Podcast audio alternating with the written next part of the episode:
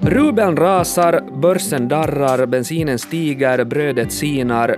Hur allvarligt skadar kriget i Ukraina vår ekonomi? Dras vi ner i en lika djup depression som på 90-talet efter Sovjetunionens sammanbrott eller är vi bättre rustade nu? Det här ska vi diskutera här i nyhetspodden med mig Johannes Taberman och med mig har jag Heidi Schauman, chefsanalytiker på Danske Bank. Välkommen hit igen.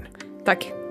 Mycket har hunnit hända sen du var med i podden senast, det här var i början av året, i slutet av januari. Redan då så fanns det en hel del oroväckande tecken i luften. Vi talade om den stigande inflationen bland annat och, och också om det här säkerhetsläget. Men ingen kunde tro att Putin verkligen skulle starta ett anfallskrig mot Ukraina. Eh, det ansågs stå honom för dyrt, men nu står vi här med, med, med historiskt höga bensinpriser, stigande matpriser, stigande inflation överlag, totalstopp så gott som för Rysslandhandeln, börskurvor som hoppar och en rysk ekonomi som är på väg mot ruinens brant. Och, och jag är knappast den enda som har funderat på om Finland riskerar att dras ner i en lika djup ekonomisk depression som på 90-talet efter just Sovjets fall.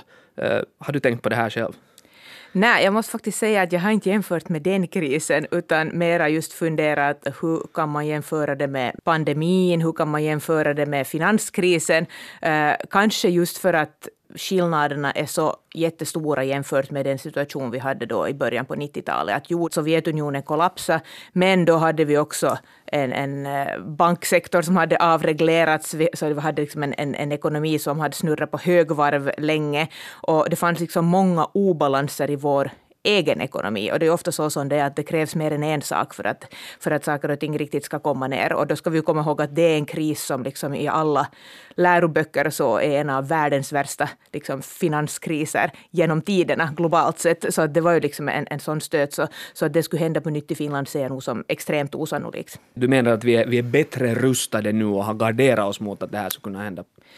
Jo, no, kanske inte gardera oss mot det här, men främst kan man förstås säga att, att vi har en, en stabil ekonomisk banksektor eh, och, och, det är viktigt. Eh, vi har låga räntor. Det är viktigt för de vanliga hushållen, det vill säga risken för att ens egna räntekostnader skenar iväg är fortsättningsvis väldigt, väldigt liten. Och det är ju viktigt för vanliga hushåll. Att man, och det var ju det som var det stora problemet för vanliga människor under, under 90-talets kris. Och då kom ju också den där enorma arbetslösheten. Och nu är vi ju ändå i en situation där arbetskraftsbristen är det största problemet vi har, det vill säga vi har ett bra utgångsläge. Det hindrar ju inte från att man ser en kollaps på arbetsmarknaden. Men, men, men eh, ingenting pekar ännu på att vi skulle se en kollaps. Men å andra sidan, det är liksom för tidigt att säga att vilka alla de här effekterna är. Att nu försöker vi få en helhetsbild. Att vart i fridens namn är vi på väg? Hur farligt är det här? Och just vilken är risken ur finländsk synvinkel. Och, och, vi har vår officiella statistik, men allt fångas ju liksom inte upp av den officiella statistiken. Att nu kommer det att finnas regioner, branscher och speciellt vissa företag som kommer att vara helt extremt utsatta just nu. Precis, det talas ju mycket om vår handel med Ryssland, men hur viktig och hur stor är den för, för den finländska ekonomin idag egentligen? Uh, nu är den ju viktig fortfarande. Ungefär 5 procent av Finlands export går till, går till Ryssland. Mm. Så inte den liksom helt obetydlig. Om vi jämför med de andra nordiska länderna så är den betydligt större. Ja. Och det har vi ju alltid haft som både en risk och möjlighet. Och nu har ju då den här negativa risken förverkligats. Att det som kunde ha varit en långsiktig möjlighet så är det inte mera. Så fast vi kapar bort all handel med Ryssland så leder det inte till en lågkonjunktur i Finland. Mm. Att så pass litet är det här beroende. Men sen när man just börjar titta att vissa företag har en enorm eh, andel av deras omsättning till exempel i Ryssland. Och då förstår man att det här kommer att slå hårt mot de som har en kraftig Ryssland-exponering. Och där är det väldigt, väldigt uh, ojämnt. Mm. Eh, de senaste veckorna så har vi sett bilder på både ryssar och ukrainare som köar till bankomaterna för att lyfta sina sista pengar innan det är liksom för sent, så länge de får ut någonting. Är det här någonting vi här i Finland också borde överväga nu, nu när det är ett sånt här spänt världsläge? No, så där generellt skulle jag säga att det är alltid bra att ha lite kontanter bara för säkerhets skull gömt i någon låda. Mm. Eh, sen hur mycket, så, så där är det ju nog helt bra att tänka att man säkert klarar sig en vecka eller två i nödfall. Att man behöver ju inte gå och shoppa kläder om det är så att det, det, det blir en sån situation, utan så att man får liksom mat och bensin och, och, och sånt och eh, om, om en riktigt liksom svår situation slår till. Så det är alltid bra att ha, det gäller nu också. Eh, men det att vi nu hysteriskt skulle springa till bankautomaten och försöka tömma kontona, så den situationen ser jag ju verkligen inte här, utan där finns ju på riktigt rädslan för att ens medel fryses på bankkontor, du kommer liksom inte åt dem. Och, och, och, den rädslan behöver vi ju inte ha här. Men att det har forskats mycket att, att i, i nödläge så först, först funderar du att eh, lever alla som är viktiga för mig och nästa tanke för väldigt många människor är har jag pengar. Vi är så ovana att ha, ha kontanter så det är kanske en liten påminnelse mm. om att kontanter är helt bra att ha i, i, i viss mån. Men vad, vad finns det liksom för andra sätt att skydda sina pengar i ett sånt här osäkert läge? Jag vet, jag har hört många som säger att de nu flyttar sina pengar så att de inte har det längre bara på en banks konton utan på flera bankers konton i, i rädsla för att det ska hända i någon bank någonting. No, där har vi ju uh, depositionsskydd i Finland som är, är 100 000 så om man nu inte har uh, helt uh, enorma mängder pengar pengar så är det kanske inte aktuellt. Men förstås, alla saker som får en att känna sig lite tryggare är ju bra att fundera på nu. Att just om man tänker att mitt i allt om den bankens kort slutar fungera, så nu är det bra att ha bankkort till exempel till två banker. Mm. Eh, så brukar jag alltid ha. Att man vet inte, mitt i allt är det något nätbanksproblem och det inte fungerar bara liksom i, i vardagen helt. Och, och, och samma regel skulle jag säga att, att gäller här. Att, att eh, bra att, att ha, ha no, några extra liksom planer ifall saker och ting inte fungerar. Men som du sa, vår, vår situation här i Finland går ju inte på något sätt att jämföra med situationen i Ukraina eller Ryssland, men, men det som vi ju märker nu här, eller det varnas för att, att konsumentpriserna kan stiga mer än vad de har gjort någonsin sedan 1990 som en följd av allt det som nu äh, händer. Och där är det också viktigt nu att vi håller isär vad läget redan var före det här mm. kriget och sen vilka effekterna av det här kriget i Ukraina har på inflationen. Så vi var ju i en situation, på grund av egentligen pandemin och alla nedstängningar, hur människor, speciellt i USA, ändrade sina konsumtionsmönster och började köpa mera produkter som ledde till obalanser mm. i, mellan utbud och efterfrågan i den globala ekonomin, vilket äntligen då fick inflationen att komma fram som man hade tänkt att liksom aldrig skulle ske.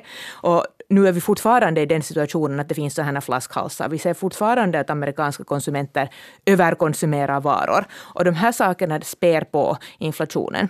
Eh, men sen har vi nu ännu alla andra faktorer, då hela den här energifrågan som ju Ryssland har puffat redan ganska länge. Att vi har sett eh, naturgaspriser vara, vara höga i många, många månader redan före det här. Och nu sen fick vi ännu till det här kriget här på. Och vanligtvis så brukar man tänka att krig skapar inflation, det vill säga det blir brist på saker och ting, vilket tenderar att, att, att höja priset. Och det gäller ju ofta i det landet där kriget är. Men eh, nu är vi i en speciell situation på det sättet att både Ryssland och Ukraina är storproducenter av många viktiga råvaror i världen. Och det är en lite speciell konstellation att det är väldigt, väldigt sällan det är två sådana parter som, som, som, som krigar på den här skalan. Och då har vi ju då sanktionerna som gör att helt enkelt den, den exporten man annars kunde tänka sig att komma från, från Ryssland är liksom frusen i Ryssland. Och så har vi de här riskerna kopplat då till Ukraina, att de helt enkelt människor inte kan gå på jobb. Uh, bönder kanske inte klarar av att, att få, få sådden gjord här nu mm. under de kommande veckorna, vilket kan då leda till verkligt stora problem om det faktiskt inte kommer en skörd från Ukraina i år. Och sen har vi ännu alla, alla problem med att hur ska man ens få ut varor från Ukraina när, när, när sjövägen är, är stängd. Så det, det, det är en serie av, av, av händelser och, och saker här. Men för tillfället ser vi liksom att, att råvarupriser och olja och så priser på det fluktuerar så enormt för att marknaden vet inte egentligen att hur ska vi nu egentligen prissätta det här. Så vi kommer säkert att se att saker och ting lugnar ner sig inom de kommande veckorna när man på något sätt får en klar uppfattning att vad allt betyder det här. Men inflationen kommer kommer definitivt att fortsätta nu, åtminstone på kort sikt, att stiga. Så nu har vi en inflation i, i Norden där kring 4 procent. Och, och, min förväntan är nog att vi i år kommer att ännu se betydligt högre inflationssiffror just på grund av den här liksom cocktailen av all, alla saker som vi ser. Fortsättningsvis så kommer räntorna ändå att, att hållas rätt så låga i år vi ser just bensinpriserna har stigit eh, jättesnabbt och också varorna på butikshyllan, mm. där stiger priserna. Hur exceptionellt är att det, det liksom sker så här snabbt på så här många varor som vi nu ser? No, givet den historia vi haft de senaste 20 åren så väldigt exceptionellt. Att mm. Det här var ju nog något som man på något sätt tänkte att det här kan inte hända. För då ska vi komma ihåg att vi har haft centralbanker som i all evighet har försökt få upp inflationen. För det är positivt med lite dynamik i, i priserna och liksom ingenting har hänt. Så att, eh, nu har det här ju på många sätt kommit ändå som en, en, en överraskning att, att de här fluktuationerna och förändringarna har varit så här stora. Och länge har man tänkt i Europa att det handlar mest om energipriser. Nu börjar vi också se just matpriser energipriser stiga och mm. de kommer ju då att stiga mycket mer eftersom speciellt priset på vete stiger eh, när, när, det, när Ukraina är en stor producent där och det kommer att sprida sig till alla möjliga andra, andra priser. Och ser vi också att priset på gödsel eh, stiger kraftigt på grund av att, att naturgas är så viktig komponent i tillverkningen där. Eh, så att vi kommer att se bredare front på inflationssidan också. Och då är ju sen frågan att i vilket stadie måste centralbanken stiga in och faktiskt börja höja räntorna. För till exempel på energipriser då så man kan ju inte påverka det med högre ränta, att de priserna liksom sätts utanför centralbankens makt. Att vilka är helt enkelt sådana bara priser som man måste godkänna. Att okej, okay, att om oljepriset är för högt så slutar vi köra bil, eller vi kör bil betydligt mindre. Och historiskt sett så har de här beteendeförändringarna varit väldigt, väldigt snabba när det handlar om höga, höga priser på olja till exempel. Och, och de mekanismerna kommer att komma in nu också. Men hur oroade borde vi då vara liksom över folks betalförmåga? Men nu redan så lever jättemånga på kredit och man har liksom inte trott på att den här inflationen kommer och nu mm. plötsligt liksom så, så kan liksom de här utgifterna öka jättemycket för en, för en viss framtid. Mm. Det är en av de här stora orosmomenten här, att vi har ju sett under pandemin att sådär på nationell nivå att vi har lyckats spara mycket. Mm. Vilket betyder att det finns många hushåll som har en väldigt bra situation just nu. Man har inte använt lika mycket pengar under pandemin. Man fick hålla sitt jobb. Det gick kanske till och med bra för det företag man jobbar på. Och de är ju ganska förberedda här nu. Men samtidigt ser vi att de som var utsatta i pandemin, så det här, samma problemen blir bara liksom värre och värre. Och jag ser ju nog en stor så här ojämlikhetsfråga här, det vill säga att, att äh, låginkomsttagare är i snitt mera utsatta, också för de prisökningar som vi ser nu i och med att det är bensin, det är mat, det är liksom inte lyxvaror. Det här är ju Statistikcentralen har gjort intressanta jämförelser där de har tittat på att vad är effekten på eh, någon som bor på landet och bor i egnahemshus och kör bil mycket jämfört med en människa som bor, säger vi centrala Helsingfors i en, i en, i en våning. Så, så inflations skillnaden på personnivå är enorm. Mm. Och den bara accentueras egentligen nu av vad vi har sett här i, i Ukraina. Så att absolut, det här är en jättestor fråga ur jämställdhetsperspektiv. Men tror du liksom att det är realistiskt att det kan bli liksom några sådana här knappa år då folks på något sätt konsumtionsbeteende verkligen eh, förändras på grund av att de här omständigheterna förändras? Eller är folk så fast i sina gamla konsumtionsvanor att ändå liksom måste staten gå in och på något sätt hålla vid liv den här gamla konsumtionen? En bra fråga. Eh, för allmänt när jag tänker på inflationen så är jag liksom lite sådär kluven att, att kommer vi att behöva en lågkonjunktur för att få bukt på den här inflationen? Eller kommer vi på något sätt att lyckas segla ur alla de här utmaningarna och hålla ekonomin ändå på plussidan? Och jag är liksom inte helt säker. att ibland när ekonomin blir för överhettad på ett sätt eller annat så behövs det en period av inbromsning. Men ofta räcker det att en sån period är väldigt, väldigt kort. Och det ska vi komma ihåg att lågkonjunkturer så där historiskt sett är väldigt, väldigt korta jämfört med det här uppsvinget. Eh, så det går ju inte att utesluta att vi kommer att se några svåra kvartal här nu framför oss. Det, det är inte liksom det vad jag förväntar mig, men jag ser att det är liksom en stor risk för, för, för att vi till och med kan gå på, på minussidan. Men, men det att det här nu skulle leda till många år av, av eh, sämre utsikter, så, så det ser jag liksom inte som vi var inne på redan före liksom, kriget bröt ut så, så var det mycket tal om den här stigande inflationen. Och nu varnas det också för någonting sånt som stagflation. Förklara för mig, det här är ett begrepp som inte är lika vanligt som inflation. Vad betyder det här? Nej, det är ju för att vi egentligen inte haft fara för stagflation sedan 70-talet, då vi hade en period, ganska lång period med hög inflation och väldigt dålig tillväxt och till och med negativ tillväxt. Och det är liksom vad man menar med stagflation och det är liksom ett ovanligt fenomen för ofta brukar det vara så att om inflationen är hög så går det också bra i ekonomin. Och det är ju egentligen vad vi har sett nu ända fram till, till det här kriget. Att det har gått bra i ekonomin. Vi har fortfarande varit i en sån här återhämtningsfas eh, från, från pandemin och nu har man ändå förväntat sig att när, när, om nu pandemin äntligen ger vika så att vi också kommer att få väldigt mycket positiva effekter av att ekonomin helt enkelt öppnas upp och att många människor kommer att använda de där sparade pengarna. Så det var liksom det här basläget. Men om man då är i en situation där tillväxtutsikterna ser väldigt dåliga ut men inflationen skenar, så är det väldigt svårt att göra de här avvägningarna. Att kan man höja räntan eller inte? Kan man strama åt för att få ner inflationen? Och vad är då effekterna på tillväxten? Så det är därför man pratar mycket om så att säga, stagflationsrisk nu, också lågkonjunktursrisk. För att det finns en rädsla för att centralbankerna stramar åt för mycket så att det leder till en lågkonjunktur.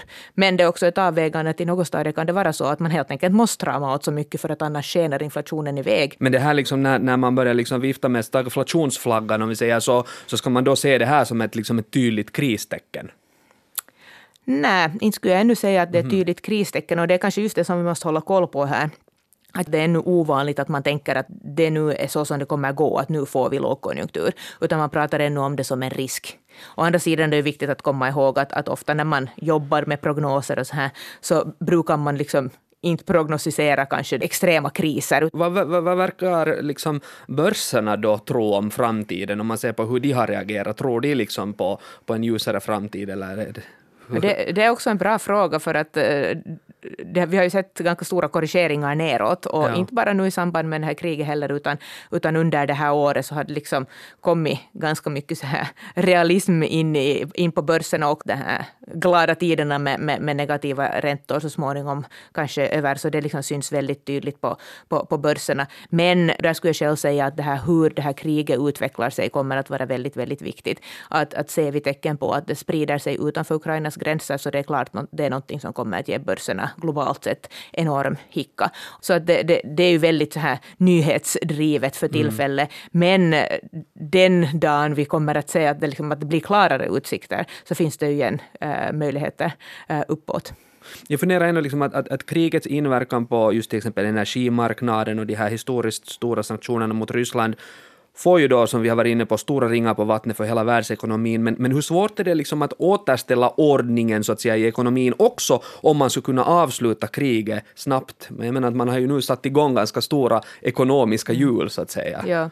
Eh, vissa saker skulle kunna normaliseras rätt så snabbt, som till exempel då Ukrainas export och, och, och, och sådana saker. Men de här sanktionerna mot Ryssland, så de kommer man ju inte att kunna och vilja dra bort på ganska lång sikt. Så, så det är ju nog en ny ordning som alla bara måste vänja sig vid helt enkelt och, och le, leva med.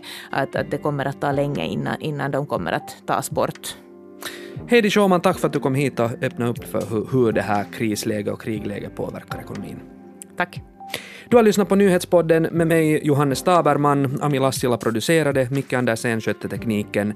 Fortsätt lyssna på oss.